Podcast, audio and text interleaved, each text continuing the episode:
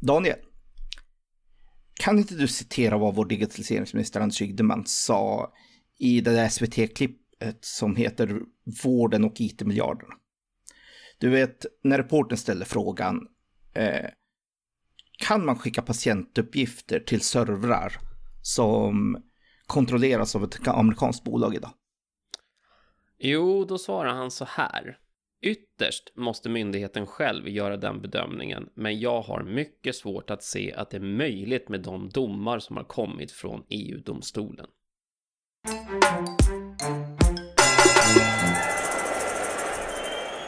Varmt välkomna tillbaka till Stacken tillsammans med mig, Daniel Gustafsson och Kim Hindart. Hubba. Idag Kim är vi inte ensamma, vi har en gäst. Vi har André Katri med oss som vi är jätteglada att han ville vara med och prata om informationssäkerhet i stort. Det här är en påläst herre som ska få presentera sig alldeles, alldeles strax. Vi kommer ta det här som en ren diskussion om olika ämnen och hoppas att ni uppskattar det ni hör. Och som alltid, om ni vill återkomma med frågor eller input så gör ni det på citynetwork.se podcast. Där finns all information och vi länkar också naturligtvis all information som kan vara relevant runt André. Men först André, välkommen till stacken. Ja, tack. Stort tack som sagt att du eh, är med oss. Vi kommer ha en bred diskussion idag om it-säkerhet generellt, EU, USA, vart vi står någonstans i världen idag och du har en massa kunskap som är relevant. Plus att vi får lite skäll ibland att vi har ju så färgade av att vi faktiskt är en hostingleverantör och sitter och pratar egen sak. Och då tycker vi det är extremt intressant att ta med någon som inte är färgad av att vara hostingleverantör och bara har sin input, sin take och sina åsikter om de här ämnena. Så vi börjar rätt ände. Eh, vem är du André? Din bakgrund och dina erfarenheter i stort? Ja, André Katry eh, börjar bli gammal här nu, också 56, så att jag, jag är väl ålderman i, i, inom IT-världen. Men jag har hållit på med, med IT eh, sedan 85, så det är ganska länge. Och jag har hållit på med IT utifrån myndighetsperspektiv eh, sedan eh, 95. Eh, så att det har jobbat ganska många år, eh, både i och för myndigheter med informationssäkerhet eh, på olika nivåer. Allt ifrån att jag har varit i Bryssel och representerat Sverige till att jag har jobbat på Säpo och grävt i hårddiskar. Så att det är liksom ett jättespann. Och varit konsult för Försvarsmakten och satt upp IT-försvarsförbandet och andra sådana mer spännande saker då så att mm. säga. När man har jobbat med med mer hackingliknande verksamhet. Så du kan inte bara det legala, du kan det tekniska också? Ja, och sen har jag vunnit hackertävlingar också i Las Vegas i, i, på Defcon då. Oh, du tell, I, vad, när då? När var det här? Ja, 2005 tror jag det var faktiskt. Mm. Det var ganska länge sedan. Coolt. Ja. har du och Kim massor att prata om. Ja. du har ju bakgrunder också Kim, eller Ja. Mm. Men det här är ju superhäftigt därför att det innebär att vi har eh, bred kunskap och det här har vi highlightat lite tidigare i vår podd att oftast så hamnar man i de här typen av diskussionerna antingen från ett juridiskt perspektiv eller ett tekniskt perspektiv och vi har uppfattat att det finns ett jättegap mellan de här två världarna så att säga och lite därför finns Stacken som podcast också för att vara tydlig. Mm. Så vårt önskemål är att försöka brygga det här gapet och jag tror att du är en väldigt, väldigt bra kandidat i det här. Men mm. du Andreas, ska vi börja i, i jättestort drag här. Vi sitter i en situation just nu i Sverige och Europa av att vi har en väldigt strikt lag som heter GDPR eller dataskyddsförordningen i Sverige som styr och ställer för vad vi kan och inte kan göra med personuppgifter och sen så fick vi ett Privacy Shield fall här 2020 augusti och helt plötsligt så vart alla stora amerikanska hyperscalers om du använder personuppgifter bedömd olaglig och vi har hamnat i en sits där vi liksom är i kläm på något sätt. Vi har inte så jättemycket leverantörer i Europa heller som kan stoltsera med tjänster som vi kan ersätta med det som finns idag. Vad är din take? Var, var står vi någonstans? För det, det är oroligt i leden just nu. Ja, alltså efter Charms 2-domen då som vi säger eh, så, så kommer domstolen fram till att det eh, avtalet, mellanstatliga avtalet, eller det, det, det avtalet som fanns mellan EU och USA det höll inte. Eh, och de olagligförklarade avtalet då. Och det, grunden egentligen är det, det, det, att amerikansk underrättelselagstiftning är inte förenligt med, med europeiska eh, mänskliga rättigheter. Eh, och, och, det är ju inte GDP, men, och GDPR bygger då på de, de mänskliga rättigheterna och därför så, så föll, den, eh, föll det avtalet men också den legala, så följde avtalet för den personöverföringen som man hade med USA. Eh, så att då behöver man ha någon annan legal grund för att kunna få föra över personuppgifter eh, till USA eh, enligt då den här domen. Men eh, det, det blir väldigt svårt att, att uppnå det på något sätt, tekniskt eller juridiskt. Så att egentligen så står vi i ett vakuum när det gäller Eh, den legala grunden för att få överföra eh, personuppgifter till USA eh, enligt, enligt GDPR. Då. Mm. Vad ska vi göra åt det här det är ja. alla står och funderar, vad gör vi? Vad hittar vi på? Ja, För alltså, när löser sig det här då? Det, när det löser sig, det vet ja. jag inte. Och, eh, det, men det finns, ingen, det finns ju ingen så att säga, politisk vilja inom Europa att lösa det snabbt eh, eh, med USA som det skedde förra gången vid Charms 1-domen. Mm. Då kom det ju ett nytt avtal ett par månader senare mm. efter att eh, då Safe Harbor som det hette då blev upphävt. Så att många glömmer bort att det är inte första gången som den här har prövats i domstol utan do, eh, domstolen har prövat det här redan två gånger, eh, alltså Charms 1 och Charms 2. Och det första då, Safe Harbor-avtalet sades ju upp med exakt samma grunder om att mm. amerikansk lagstiftning inte var förenligt med de, med, med, med de eh, eh fri och rättigheter som vi har i Europa. Mm. Eh, så att ja, det, det, det, finns ingen politisk vilja i, inom EU som jag ser det om att komma in med ett tredje avtal här så att det kommer bli Charms 3-dom av det hela. Mm. Eh, det ser jag inte utan det, det, jag ser ju inte heller att amerikanska staten kommer att ändra sin underrättelselagstiftning eh, inom närtid. Eh, så därför sitter vi i den här situationen där vi har amerikansk underrättelselagstiftning som står i, i, som kolliderar med, med, våra mänskliga fria och rättigheter som vi har i Europa. Och eh, det finns ingen politisk lösning på det i, i närtid som jag ser det. Men eh, vad, vad är din bild då? Ska Europa anpassa sig? Nej, det tycker jag ju inte. vi, kan ju inte vi kan ju inte kasta våra mänskliga fri och rättigheter eh, och det är ju ingen som begär det.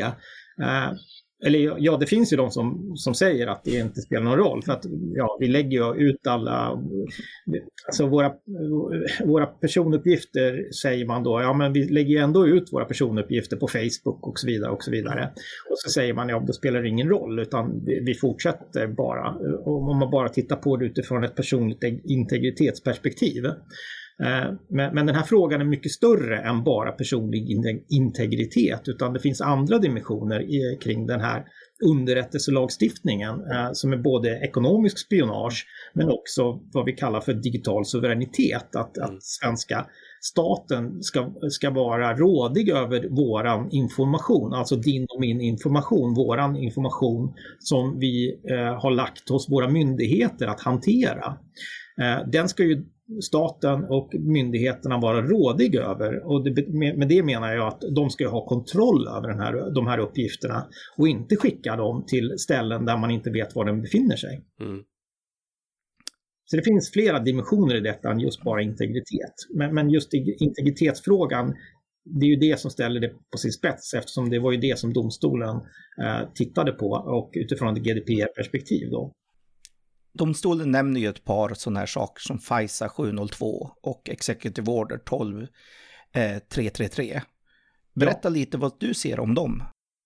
Ja, alltså det, det, all den här lagstiftningen, i, i, i grund och botten är det ju eh, eh, en lag, alltså lagstiftning i grund och botten kommer ju från lagstiftning som heter FISA.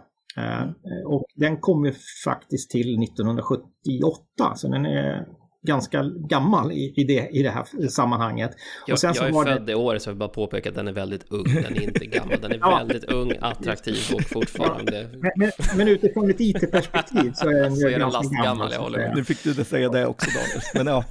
ja, fortsätt. fortsätt och, och eh, eh, sen blev det ju tillägg som kom, eh, så, det är det som vi säger FISA 702, mm. eh, som kom mycket senare då, eh, som, skulle som då hanterar eh, den verkligheten som vi är idag, det att det finns så att säga moln.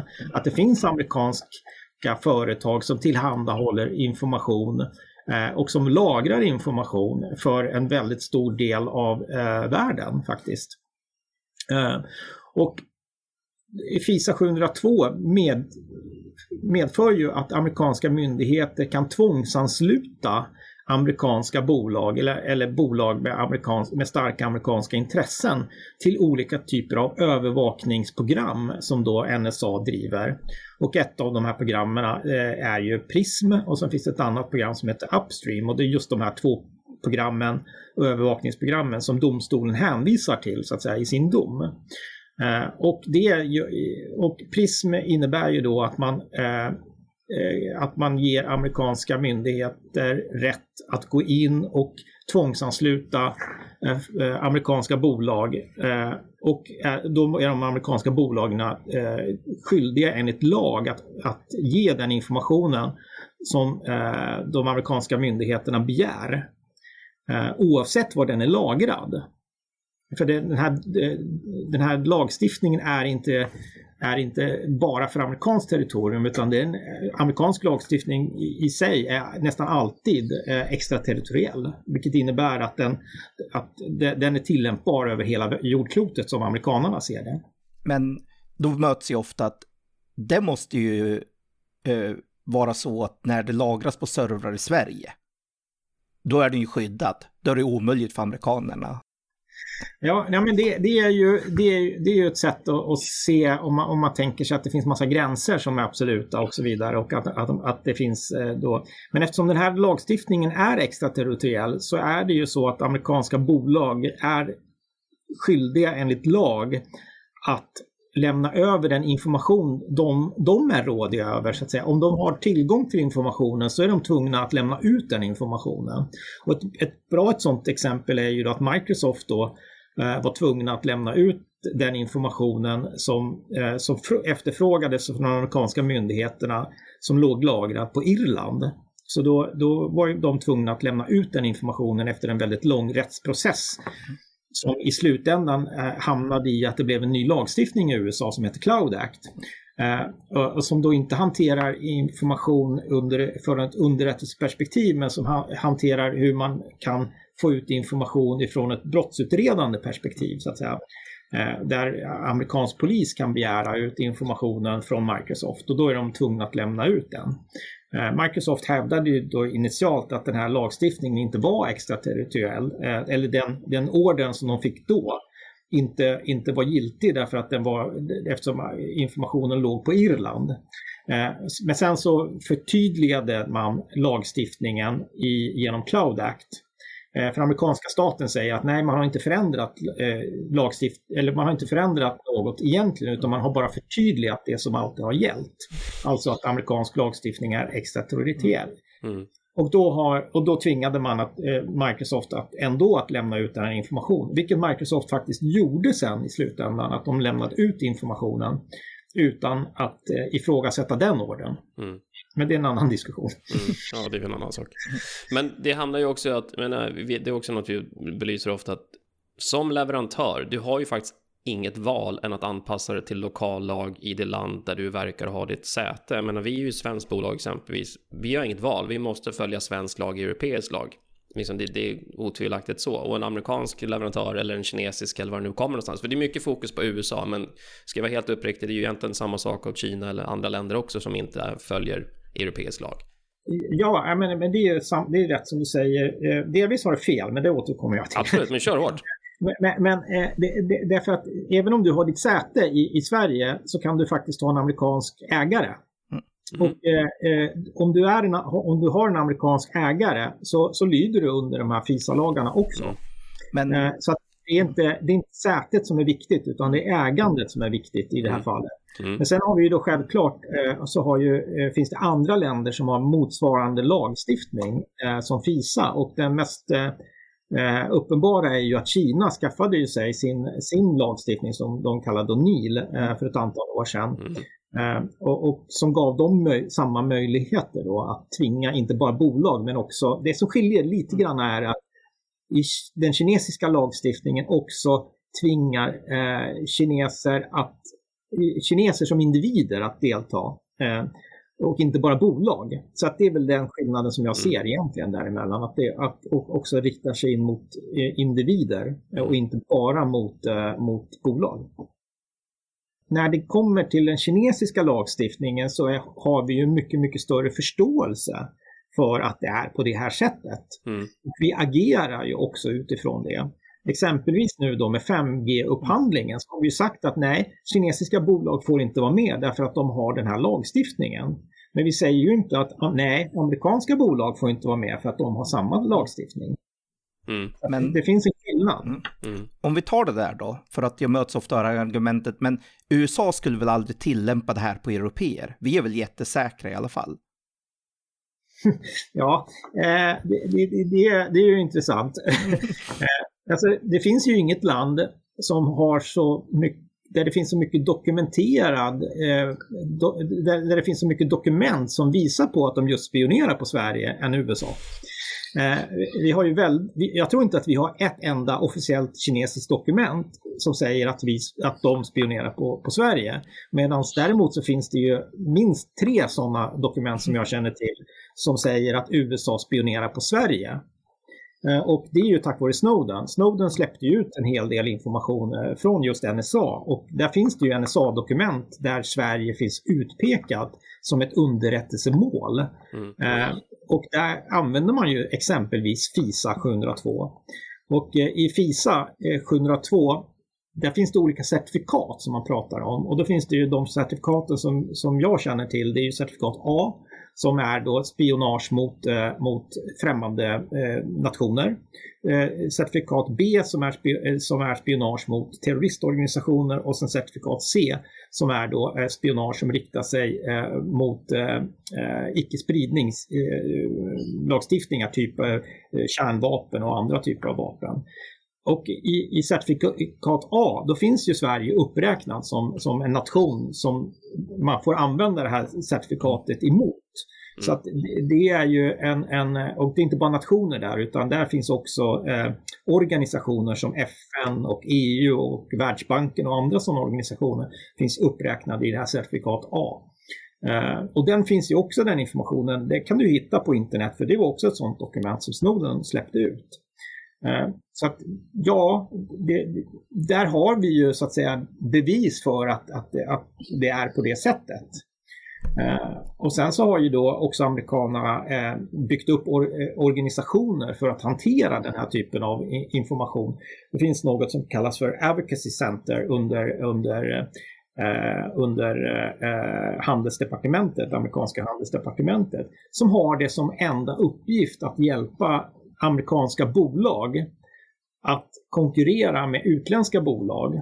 Och de gör det genom att de använder sin underrättelsetjänst. För det finns ett litet kontor också på, på, på eh, Handelsdepartementet eh, som heter Office of Executive Support. Eh, som bara består av underrättelsepersonal, alltså i CIA-människor och annat. Eh, som jobbar där och, och, som har som uppgift att, eh, att inhämta, in, att, att, inrikta olika typer av verksamheter som NSA och CIA för att inhämta information som ska hjälpa amerikanska bolag att vinna utländska kontrakt. Mm. Mm. Så att ja, och Så det, där är vi. Mycket, och det, ja, och det här är ju väldigt väl dokumenterat. Mm.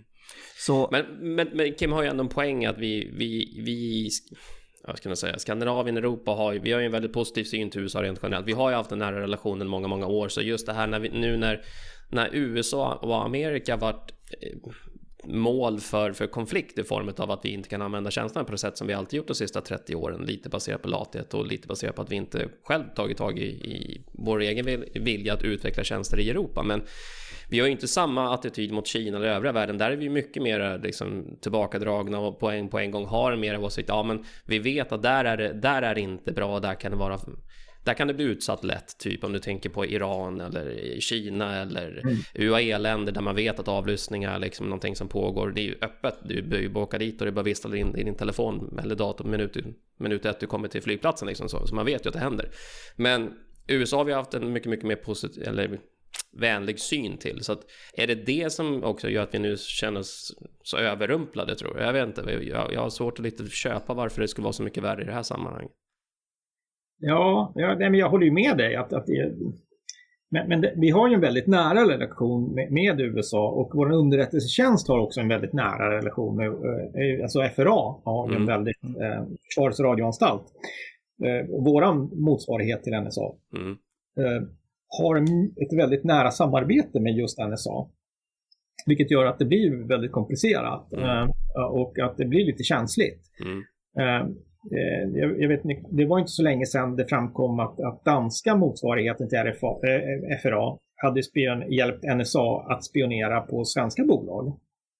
Eh, och hade det framkommit, jag tänker att om man hade om det hade framkommit att Kina hade gjort det eller att Ryssland hade gjort det så hade mm. det varit jättestort pressintresse kring det. Ett medialt intresse kring det. Men i princip så dog den nyheten ut på en dag eller två. Mm. Eh, och det är ingen som kommer ihåg den längre, tror jag.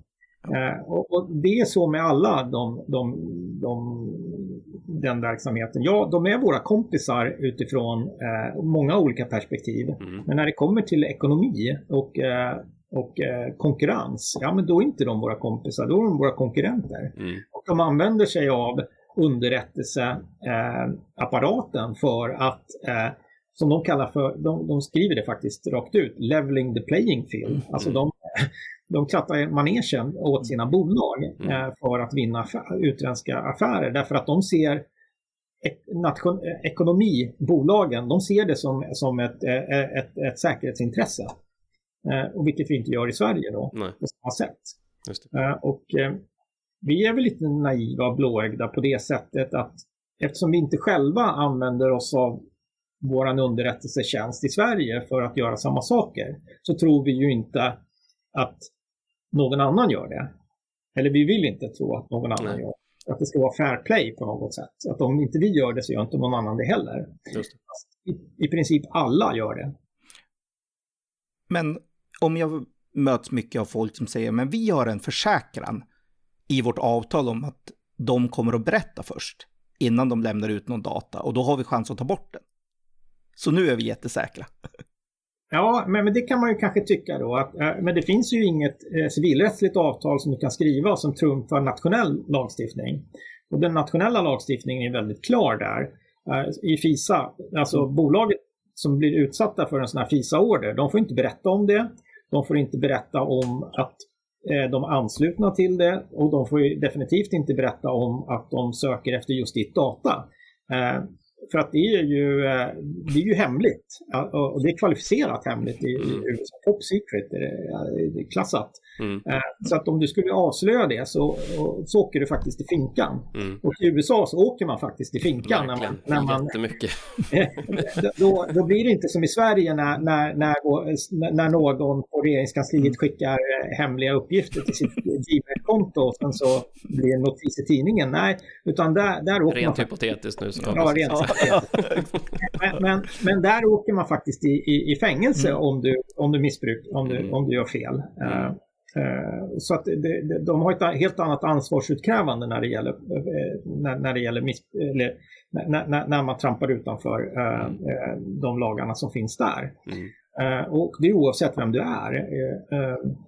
Så att det är ja, inte riktigt, Trump kommer ju alltid undan, men, men det är en annan fråga. och, om, om vi tar det här då som eh, vissa säger, ja men vi har minsann ett avtal med ett svenskt bolag som säger att de lovar att följa svensk lag och så är de amerikanskägda. Du ja, ser inte att det hjälper då?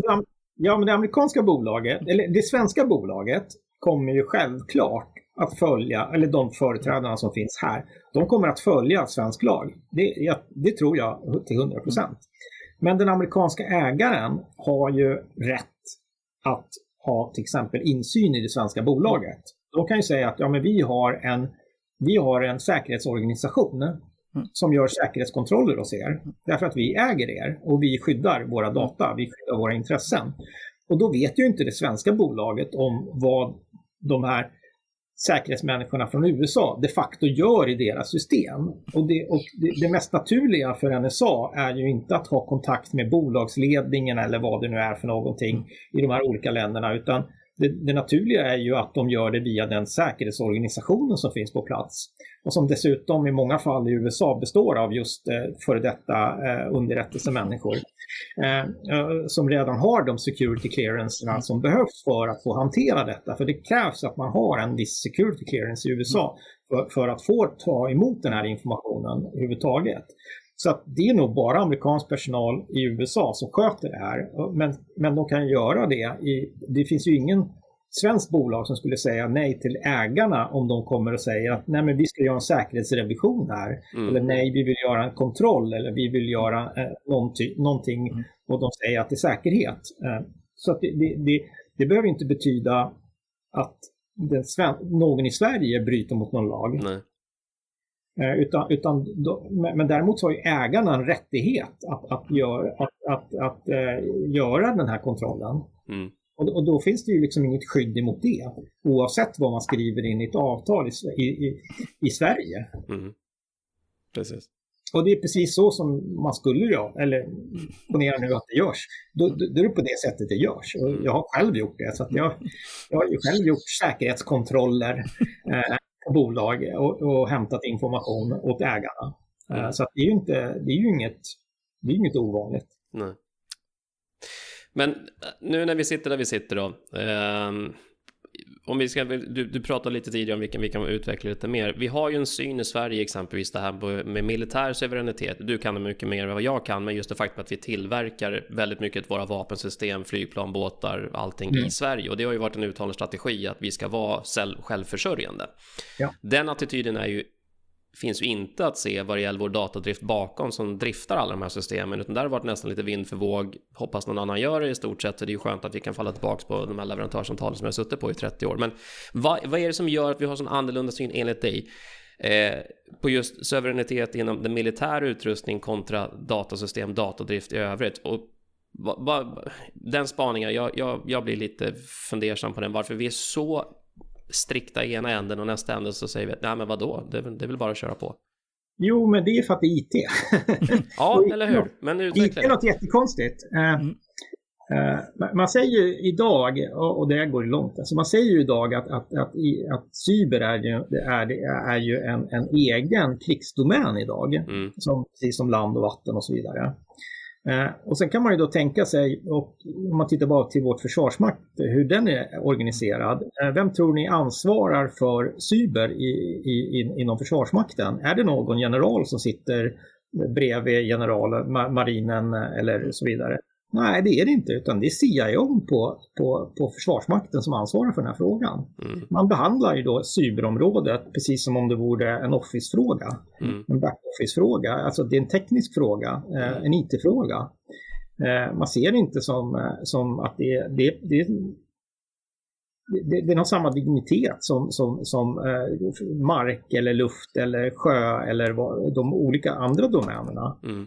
Och eh, man, man, man, har inte hängt med i att, att, att ryssarna, eh, de ägnar ju sig åt multidomänkrigföring där cyber är en, natur, en helt naturlig del som är självständig men också ingår i alla andra eh, delar också. Mm. Eh, så där har vi inte hängt med, inte ens Försvarsmakten har hängt med där riktigt. Och om inte de har förstått jag tror att de har förstått det, men de har inte hängt med. Men, men då, då är det ju väldigt svårt för politikerna att förstå detta.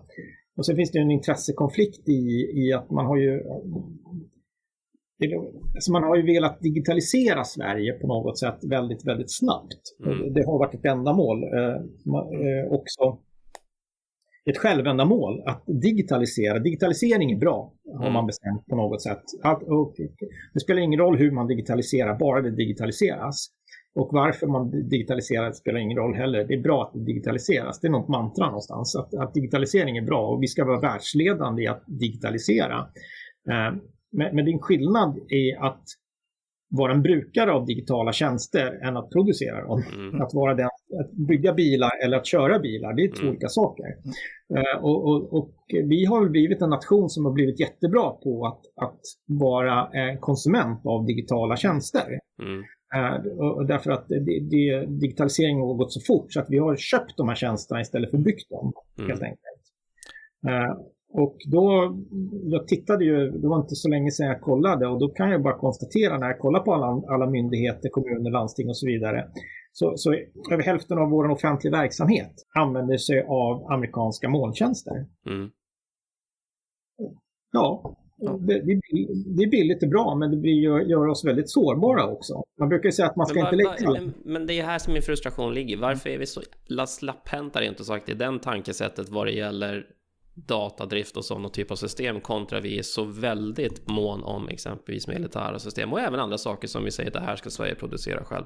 Vad, är det, vad, vad, vad, vad kommer det härifrån? Varför bryr vi oss inte mer? Nej, men det är ingen som gör den här analysen och om någon gör det så säger någon ingen det. Eh, det, det och det finns ju ingen som ansvarar för den frågan heller. Eller mm. om, den, om det är någon som ansvarar för den frågan så, så tar de inte så tar de inte upp den eh, stafettpinnen.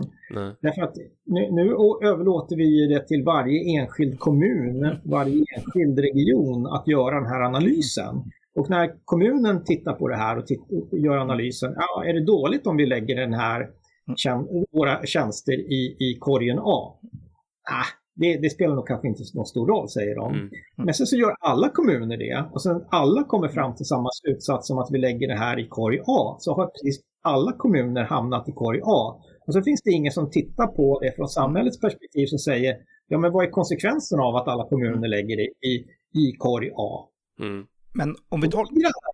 I korgen. Om vi tar den här frågan då som ofta möts då att jag får argumentet ibland, ja men data det är bara ettor och nollor och kan aldrig orsaka någon riktig skada för människor i verkligheten. Om du ska spela ditt scenario i huvudet, vad, är det du ser skulle kunna hända om vi nu låter amerikanerna sköta allt hos oss?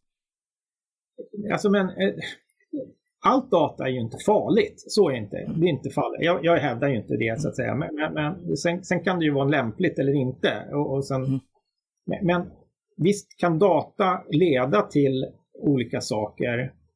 Eh, och, och, det finns ju många scenarier man kan bygga upp där, där data kan hamna i, i, ett läge där det blir till skada för en individ. Men, men jag tycker egentligen inte alltid det är så, faktiskt så intressant att diskutera det på en individnivå. Eh, utan jag tycker mer intressant att se det utifrån ett, ett, ett, ett nationellt perspektiv. Mm. Att, att vi som Sverige ska vara digitalt suveräna. Att vi som nation ska kunna bestämma över vårt data.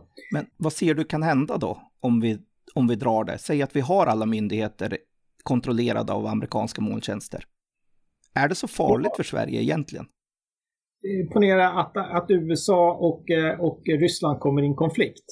Ehm, då kom, och, och ryssarna drar igång cyberoperationer emot USA. Då kommer ju vi att åka med i den svängen eftersom det ligger ju i amerikanska molntjänster då. Ehm, det, är, det, det blir collateral damage helt enkelt.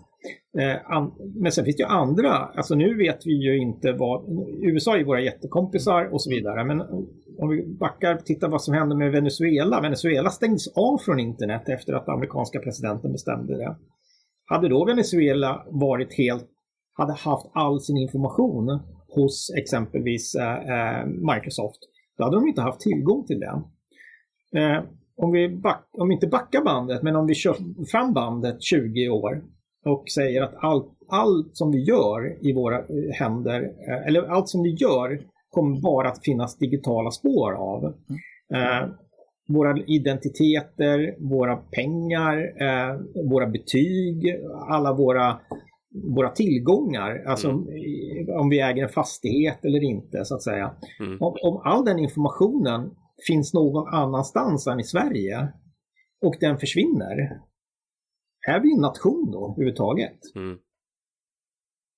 Alltså det, vad händer den dagen all vårt data försvinner och vi inte har kontroll över den? Eller om någon annan tar kontroll över den och kan använda det i en förhandling med Sverige. Där de säger att ja, men vi vill nog att ni ska göra följande eller ni ska tycka följande eller att mm. ni ska då är inte vi suveräna som nation längre. Nej. Utan då sitter vi ju i händerna på den som har vårt data. Det är den som har datat som bestämmer.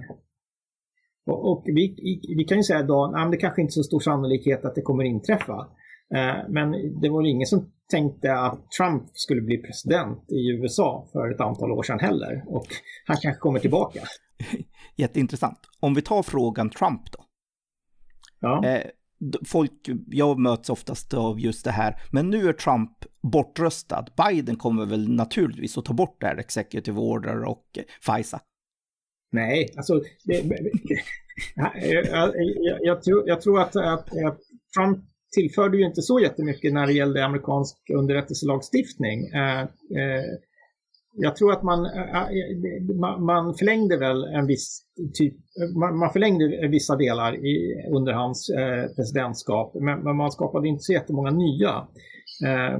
Det, det tillkom ju en executive order på slutet innan han avgick som man har satt på, på broms där alla amerikanska molnbolag måste kunna identifiera sina kunder, know your customer, på samma sätt som banker mm. har eh, skyldighet att, att ha, eh, veta vem som äger ett bankkonto. Mm. Mm. Så kommer amerikanska eh, månleverantörer att också ha samma skyldighet att veta vem som har ett konto hos dem eh, på samma nivå egentligen. Mm. Eh, och, och det, det, här kom ju efter det här SolarWinds eh, och så vidare. Så att, eh, den, den executive ordern med en massa andra executive orders har man satt på paus. Eh, men det var inte en, en, idé som Trump kom med utan den, den kom ju så att säga från verksamheten. Mm. Och det, jag tror att den kommer Biden att godkänna också.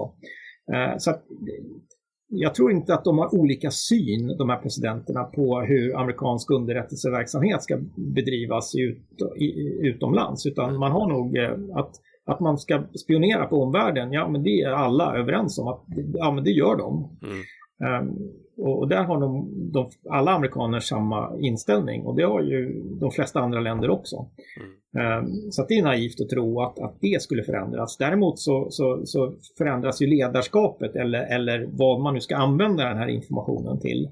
Det, det förändras ju beroende på vem som sitter där som president. Mm. Men vad har, vad har EU för, för, för roll i det här nu? För jag, vi, vi, har pratat lite om det tidigare, Kim, att vi känner väl att om det ska finnas någon institution i världen som skulle kunna vara en vågmästare för det mesta och kanske någon form av guidance för, för sunt tänkande så skulle det kunna vara EU som skulle faktiskt kunna bära den flaggan. Känner du att EU gör tillräckligt i den här frågan, annat än att vi sitter i vi trassel med ett avtal? Glöm om vi släpper den för fem minuter, bara rent generellt EU som institution. Vad, vad kan vad är EUs roll i det här tycker du? Vad skulle de kunna göra? Även fast det är långt fram i tiden, det kanske kräver mycket arbete, men vad, vad skulle, vad skulle EUs roll i det här kunna vara för att balansera upp ja, men, men, men, lite grann så har ju EU klivit fram i frågan i, i, i digital suveränitet. Man, det är ju de som började mynta det här uttrycket, mm. främst då USA, eller inte främst då Frankrike och Tyskland. Just det. Och de har startat det här Gaia X-projektet. Mm. Eh, men det är väldigt mycket drivet utifrån tysk eh, och franska intressen. Eh, mm. Tysk industri och så vidare och, och franska nationella intressen. Och att Storbritannien har ju i princip fejdat ut ifrån den här verksamheten. Nu har de skjutit ut sig helt och hållet. Ja, vilket, vilket gör ju att, att, att, att, det finns en annan dynamik där, alltså, alltså andra, andra maktspelare. Mm. Och där är ju då Tyskland och Frankrike de stora. Och, och, och, de driver ju det här nu att, att vi ska bygga ett, ett, en egen eh, domän eller infrastruktur eller vara rådiga över vårat data inom EU. Eh, så att de har ju insett att det här är ett problem. Eh, men, då, men, men, men, men, också från ett industriellt perspektiv att man hamnar efter så att säga, i, i, i utvecklingen. Eh, och att data är faktiskt eh, det, data är ju nya oljan eh, i, i, i allt. Alltså att bygga, att bygga nya tjänster i framtiden, att, att, att, att utveckla AI och så vidare. Det kräver ju data mm. eh, att, att analysera och kunna använda sig av. Och då, det har man ju insett. Och där börjar man ju att vara mera protektionistisk så att säga, i, i att tänka på på EU först istället för American first då, som, mm. som amerikanerna har. Då. Men då börjar man titta på ja, men vad kan vi göra inom EU.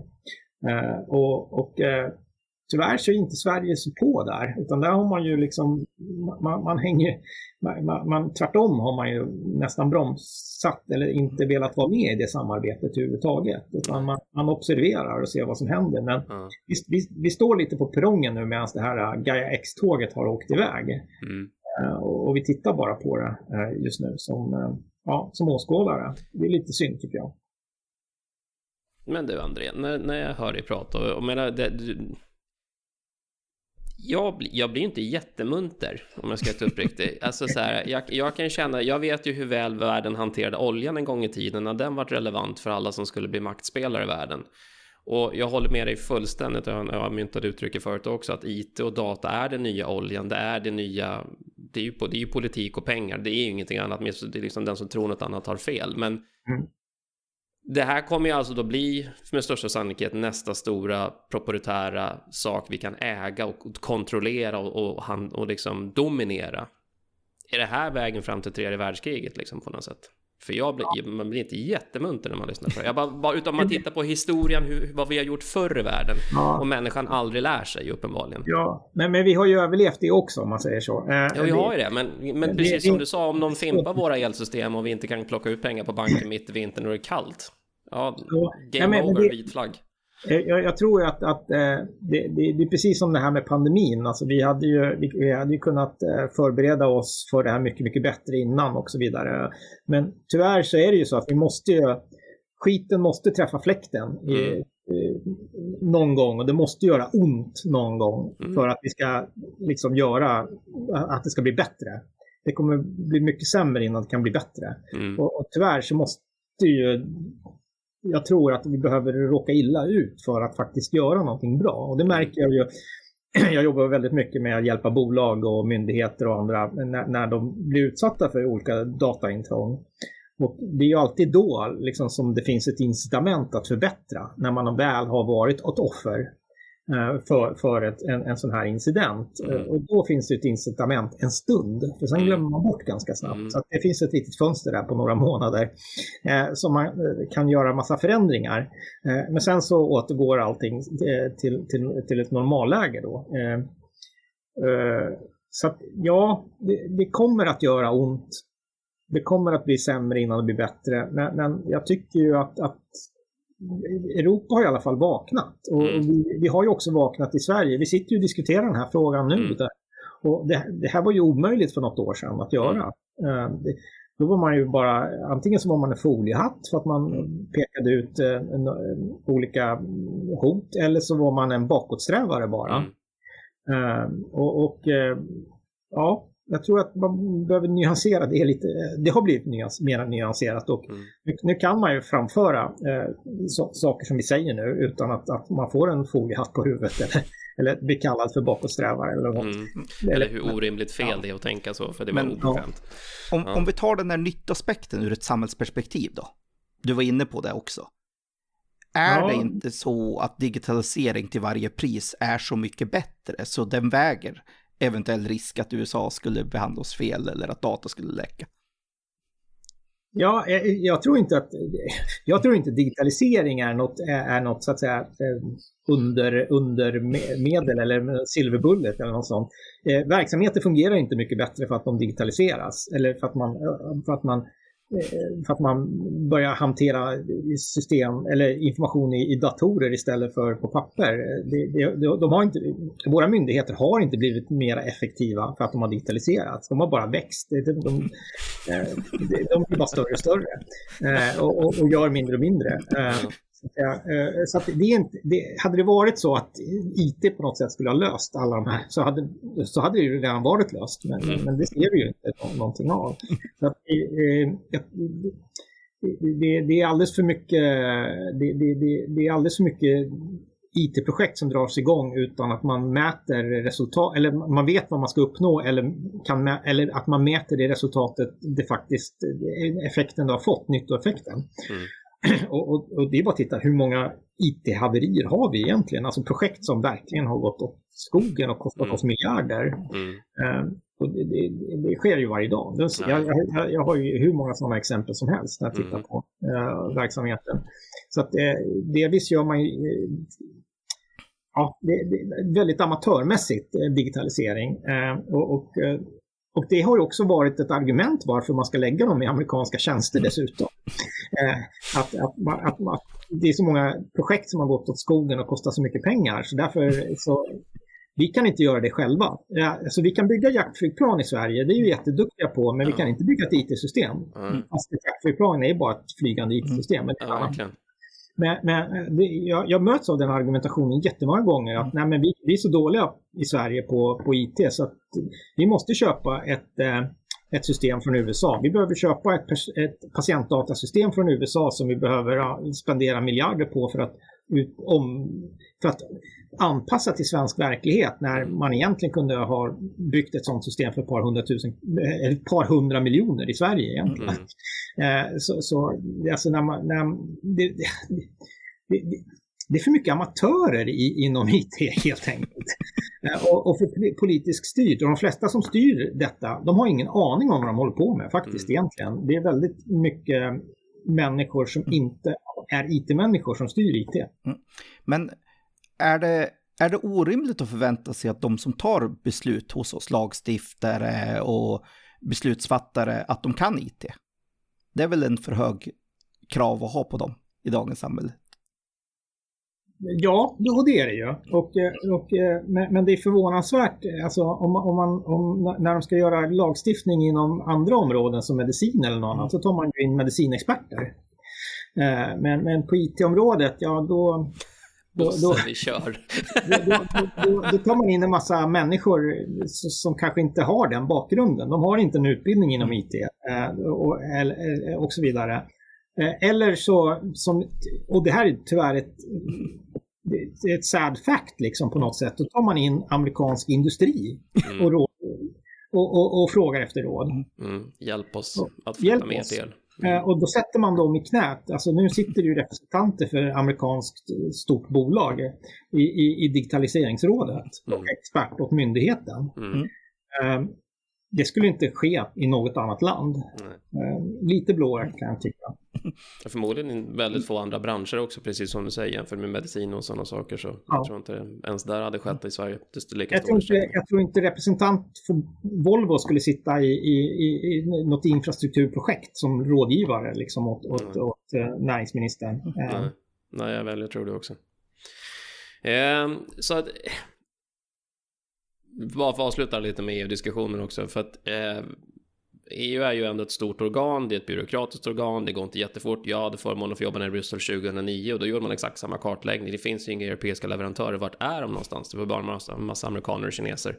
Nu är det 2021 och på något sätt känns det som att paletterna trillar ner, att nu måste vi i varje fall ta tag i det här, men jag utmanar sig att hade inte skämsfallet hänt nu i somras så hade nog inte vi suttit här i den situation vi är i alla fall det mm. var någonting som man blev påkommen med mer än att om man blev tvungen att ta tag i det.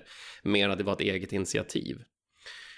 Um, så jag kan ändå känna att EU har en, en väg att vandra för att vara just en, en drivkraft också. Att inte bara svensk utveckling, europeisk utveckling generellt. För vi kan dra hela Europa över en, en kam och säga att det är en tennismatch mellan amerikansk mjukvara på asiatisk hårdvara. I mitten sitter Europa och tittar på. Mm. Eh, och det var, inte så, det var inte sant för så många år sedan. Vi hade ändå ett par relevanta leverantörer som ändå var marknadsledare på det de höll på med på mm. glada 80 och 90-talet. Eh, men vad mer finns, vad mer förutom Gaia X exempelvis, känner du till några andra initiativ som är, liksom, som är EU-orienterade eller EU-funded som liksom skulle kunna vara någon form av guide i det här? Nej, nej faktiskt inte. Mm. Inte. Inte på det här området som man kan komma på. Och då, okej, okay, så då var vi tillbaka till Gaia X som det har vi nämnt lite tidigare mycket snabbt och det är ju ett initiativ från EU att försöka få, få fart på det här. Det är egentligen ett sätt att styrverk om man har pumpat in en vansinnig massa miljarder euro i det där och så hoppas man att det ska bli någonting. Um, det intressanta är ju också att nu är ju de amerikanska leverantörerna på väg in i Gaia X också. Absolut, för vi vill ändå ha balans i det beslutet, ja. eller hur? Ja. Ja, och här är vi. Eh, men, men, om vi men om vi ser det här framåt då. För, eh, för Sverige och för Europa, vi, vi kan ju inte då finna oss i att vara puck två resten av vår existens. Vi måste ju börja ta tag i det här på något sätt. Liksom, som så. Men vi sitter också i en situation där vi är så i beroendeställning till de här tjänsterna idag, så det är svårt att bara vända på, på, en, på en femöring och liksom säga ja, då gör vi någonting annat. Jag förstår att det är en jäkla utmaning, men ja. eh, guida in lite på din, din bok som du släpper snart. Jag skulle vilja promota den lite grann, för du har ett scenario den som du ska få berätta som är ganska snarlikt det vi har pratat om. Men ja. hur nära sanningen är din bok? Egentligen, jag såg ingressen och tänkte det där var ju nästan en verklighetsbeskrivning. Det var ju inte så mycket fiction i det. Ja, alltså vad, till att börja med, vad, vad heter din bok och när kommer den? Alltså, eh, boken kommer ju släppas 10 juni eh, mm. och den heter eh, Honungsapan. Mm. Eh, och, och, det är en cyberthriller, eller om man nu kan säga det så. Men, men den är ju ganska verklighetsbaserad. Även om det är fiction så är den ju verklighetsbaserad. Alltså det är inte en manual. Jag har inte skrivit en manual för eh, hur man ska angripa Sverige. Eh, mm. Men, men nästan. Men jag tänkte säga, det var inte så långt ifrån. Det hade nog nästan Det är inte så långt ifrån. Ja. Och, och, eh, och eh, den, den, den angriper just den här eh, multidomän krigföringsprinciperna. Nu, nu vill jag inte avslöja hela plotten. Nej, absolut inte. Jag tänker bara ta high level. Den börjar ju med att, att, att, att ryssarna skjuter eh, robotar rakt in i alla de här datacenter som byggs amerikanska. Eh, så att de skjuter ut eh, de, Amazon, eh, de tre Amazon datacenter som finns och sen två stycken Microsoft datacenter som egentligen inte finns ännu men som är planerade plus, och sen plus Google då. Så det är sju datacenter som man, som man skjuter ut genom, genom att skicka robotar på dem. Och, det är där någonstans det börjar boken och sen så händer det massa saker. Men det, det visar ju på att vi har ju inte byggt den här infrastrukturen och det är ingen som har ställt krav på den här infrastrukturen, att, den, att det ska vara någon nationell eh, infrastruktur som, som, som, eh, som ska skyddas på något speciellt sätt. Mm. Och ändå så ligger nu eh, över 50% av all vårt offentliga data i just de här datacentren. Eh, vilket är, ja, det, det ju, de försvinner ju bara. Mm. Eh, och, och det, det, är tråkigt. Eh, och sen att, att, eh, att el och annat försvinner också, det är ju ännu mer tråkigt. Mm. Men men det, det, blir väldigt mycket action i, på det sättet i boken mm. då. Eh, samtidigt som, som det blir massa cyberattacker dessutom. Och, mm. och man, man slår på både de här eh, fysiska attackerna och kombinerar dem med, med, med cyberattacker. Och det är e, helt enligt eh, eh, rysk doktrin, så att det är ju så att säga så de eh, för krig idag, multidomän. Mm. Men Sverige klarar inte ens av en, en, en normal DDoS-attack egentligen, alltså en, mm. av, av, av, av, av egentligen vem som helst. Eh, Eh, så att när, när den ryska statsapparaten eller den ryska staten bestämmer sig för att nu ska vi köra eh, en, en, ett cyberkrig med, mot Sverige så, mm. så kommer vi ju inte stå pall. Mm. Eh, och kombinerar man det dessutom med, med, med, med, med, med, med fysiska vapen Ja, då blir det väldigt tufft. Och mm. ingen har byggt de här datacentren efter den principen. Tidigare när myndigheter byggde sina datacenter och annat, då, spräng, då stoppar man in dem i, i, i, i bergrum därför att man har ju då liksom ett, ett krav på sig att man ska kunna jobba under krig, freds, i, i krig, ofred, eller kris och i, när det är krig då. Mm. Eh, så där har man ju det i den planeringen, men det är ju inte någonting som AVS eller Microsoft eller någonting har tagit på sig att man mm. ska ha någon, någon samhällsviktig, eh, samhällsviktiga system. Mm. Eh, vilket är jättemärkligt. Eh, och, och, då hamnar de ovanför jord eh, i stora datahallar som ser ut som hangarer. Mm. som inte alls är svåra att skjuta ut med, med robotar. Mm. Så att det, det, är ju, ja, det, det, är lite därifrån där jag tar avstamp. Och det, man kan väl säga att det, det, är ju digital suveränitet egentligen som boken handlar om. Mm. Och, och de konsekvenserna det får när man inte har det. Så att det, det är det vi har pratat om egentligen nu. Men, men eh, i, i, i actionformat då. Ja. 10 juni släpps den officiellt i alla fall. Ja, den 10 juni ska vara klar. Den är, alltså jag, jag, har kommit så långt att jag har skrivit klart boken och den, den ligger nu hos förlaget för mm. editering, alltså mm. för stavningskontrollen då. Mm. mm. ja, och, och, syftet är ju med boken att jag har skrivit den, det är ju för, på, eh, för att åskådliggöra de här bristerna som vi har och vad det kan leda till i, i, för att vara lite allvarliga. Så det, det, är, det, det, kan bli, det kan göra ganska ont. Mm. Eh, det är det jag säger. och, eh, och, det är första boken i en serie av böcker. Eh, ja, för det, jag tänkte också skulle belysa andra typer av sårbarheter mm. i mantelböckerna som jag redan påbörjat. mm. Absolut. Men så... vi lägger naturligtvis med länkar, bara innan vi fortsätter, jag vill bara säga att vi lägger med länkar naturligtvis i avsnittet så att det går mm. att hitta information om den boken, för jag tror att den är, den är högst aktuell och den ligger mm. väldigt i tiden. Uh, så att, uh, ja, läs den med i, i solskenen och inte precis när ni går och lägger tror jag, för då, då kommer det vara svårt att sova den natten. Sådär. Ja. Ja. Eh, men du, det här med, med cyberkrig och sådana saker, vi ska bara ta en liten snabb diskussion om det. Jag menar, krasst, jag har i alla fall min tes att tredje världskriget är liksom det kommer att cyberorienterat krig. Så att du slår ut infrastruktur IT-mässigt egentligen. Bomber och granater och kärnvapen i all ära, det är mer ett hot tror jag. Det är min teori. Jag står för mm. den. Men är det inte det som redan pågår på något sätt? Liksom så här, det, det sker med jämna mellanrum attacker, men det var, vad var det? Israel här ganska nyligen var det väl som i princip eh, varit utslaget halvt om halvt och det, mm, eller om det var de själva som gjorde det mot, eh, mot, mot, eh, mot grannland. Men det pågår ju redan på något sätt. Är vi inte redan där? Ja, eh, hade, hade man följt alla andra konventioner som man har för land och, och, och, och, luft och så vidare så hade vi ju befunnit oss i krig. Mm. Därför att vi utsätts ju för de här anfallen varje dag. Eh, ja, alla timmar om året. Eh, så att säga. Och, det, och det är inte bara så, och cyber är ju också så att, att det, det, det är inte så att du kan sitta på din kammare hemma och, och bygga verktyg i, i fall, precis som man bygger vapen eh, mm. och, och använda dem ifall det behövs. För att det här kräver förberedelser och då behöver vi vara i, i den miljön redan från början. Alltså du måste ju liksom ha kartlagt den här miljön. Och då måste vi komma hit. Alltså du måste ju rent du måste ju befinna dig i våra system för att kunna kartlägga dem. Eh, du måste så att säga kontinuerligt förbereda dig för att, att kunna slå ut vårt elnät eller vad det nu är för någonting. Mm. Och det är ingenting som man gör när man har bestämt sig för att man ska börja kriga. Det, det, är någonting som pågår hela tiden. Mm. Uh, för att det är, det är så det fungerar. Man kan inte, man måste vara uh, på och, och, det sker ju hela tiden. Så ja, de, fienden befinner sig i våra system redan idag. Mm. Eh, så att vi är i krigsliknande tillstånd när det, när det kommer till cyberdomänen. Det skulle jag vilja påstå. Mm. Men i din mening då, varför är det så att vi är väldigt måna om att inte få vår territoriala gränser kränkt, men vi tillåter vår cybergräns att bli kränkt, så att säga? Ja, vi tillåter och tillåter, det gör vi ju inte. Vi, vi blir ju upprörda när det, när det händer också.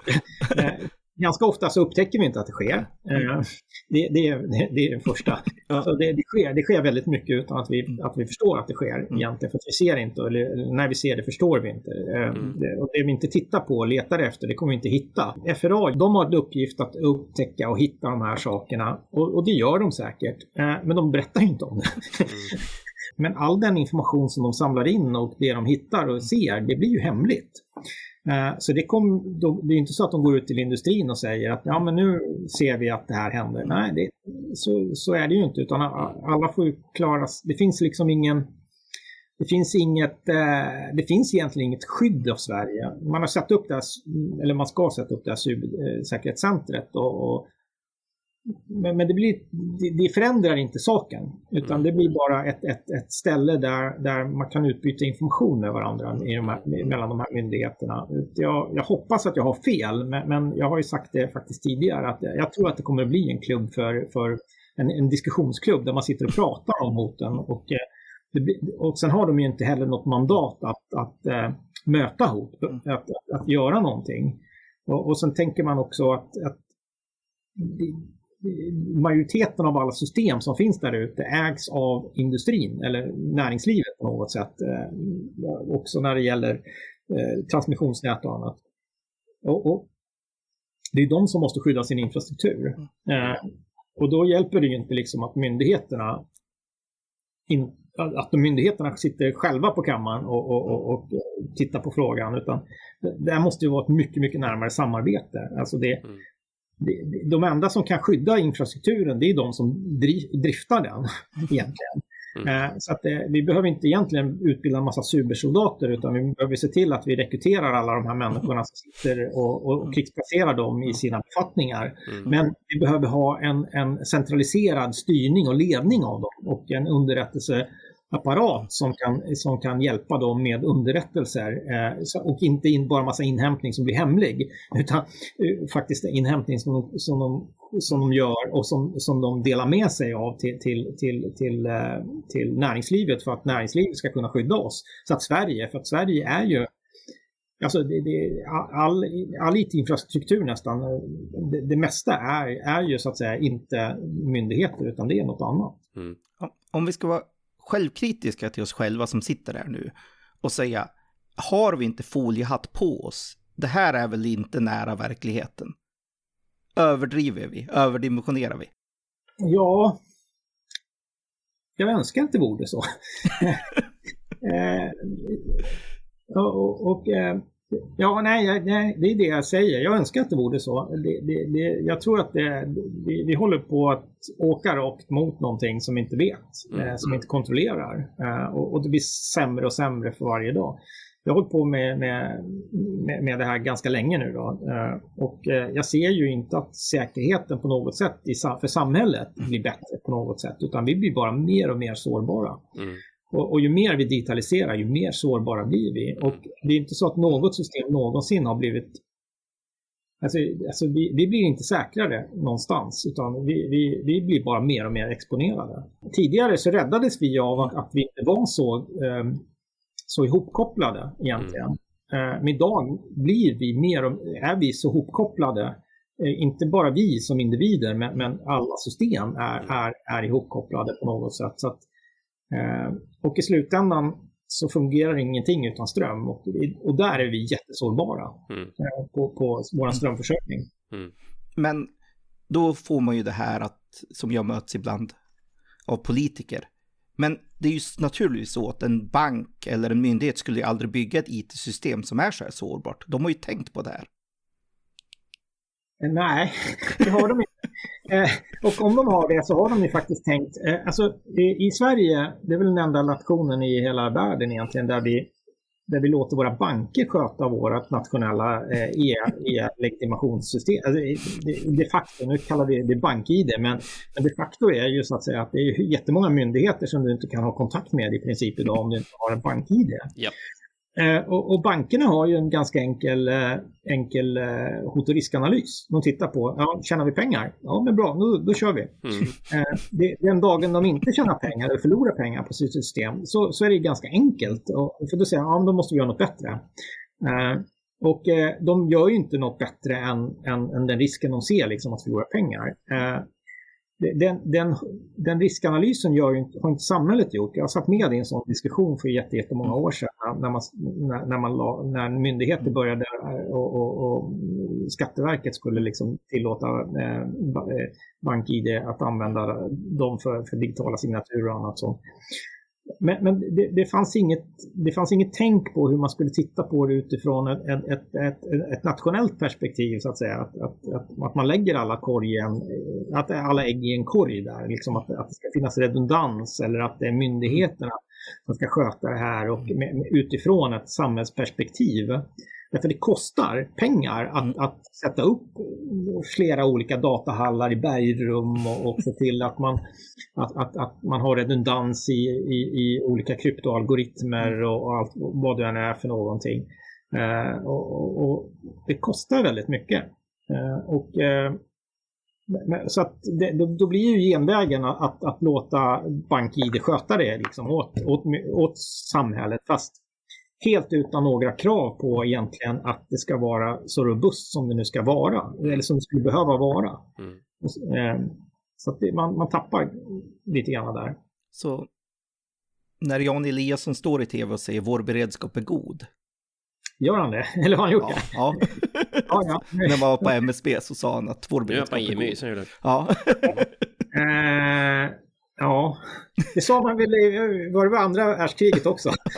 Det var, det, jag tror att det var lika sant, det uttalandet som det. Ja, men det är bra. Vi vill det bra.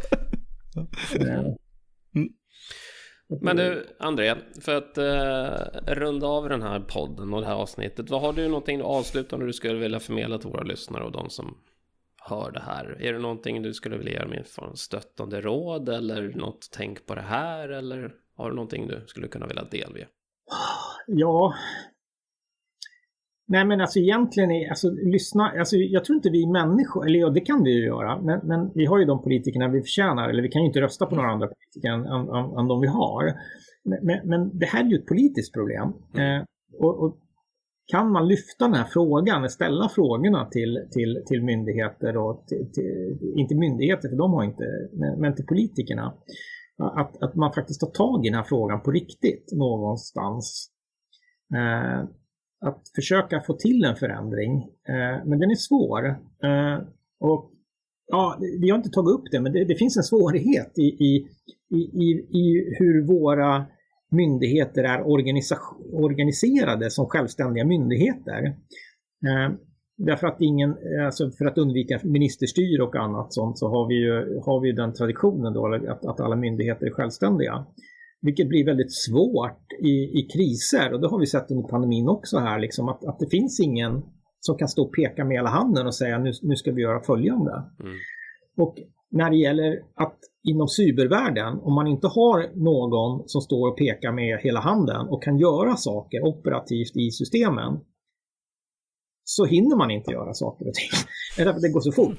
Mm. Alltså, till exempel, någon, bara någon måste besluta att nej, men nu måste vi stänga ner alla, alla våra förbindelser eh, som går ut och in från landet. Mm.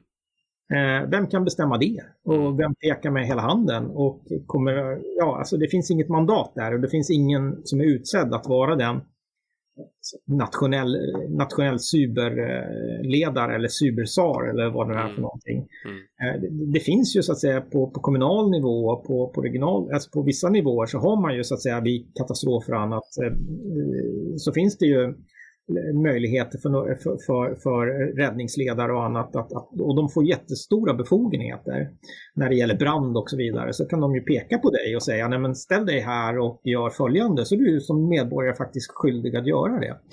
Mm. Uh, men, men, men, när det gäller cyber så då, då, finns det ingenting egentligen. Uh, det, det, det, finns inget, det finns inget som, som håller ihop samhället när, när det gäller cyberfrågan. Nej. Utifrån det perspektivet. Mm. Eh, och det saknar jag. Eh, men jag vet inte riktigt vad vi medborgare kan göra åt den frågan egentligen, mer än att lyfta den när vi har dialoger med, med våra politiker. Eh, att säga, men okej, vad gör ni för att skydda, skydda, skydda oss så att säga, mot det här hotet? Mm. Ja, det, det, det, är en, det är en väldigt, det är, det är en svår fråga. Mm, jag håller med. Så börja prata om det, ställ era politiker mot väggen och säg vad gör ni? Och sen så går ni till valurnan också, det är ganska relevant, välkommen till ett val sen också. Det påverkar också hur man för en politik i ett land. André, mm. tack så jättemycket för att du var med. Eh, jag tror vi har orsak att komma tillbaka till dig i andra diskussioner, för det här var, det var väldigt intressant att lyssna på. Och om du som lyssnar har som sagt frågor som kan vill ställas till André eller vill ta den här diskussionen vidare så gör ni det på citynetwork.se podcast så ska vi nog se om vi kan få till en sittning nummer två framgent. Men tills dess, vi länkar allting vad det gäller Andreas bok också i avsnittet och vi hörs i kommande avsnitt. Tack så jättemycket André, tack så jättemycket Kim. Tack för att jag fick komma. Och vi ser jättemycket fram emot din bok här faktiskt. Det ska mm, bli spännande. Det gör vi. Ja, tack. På återhörande.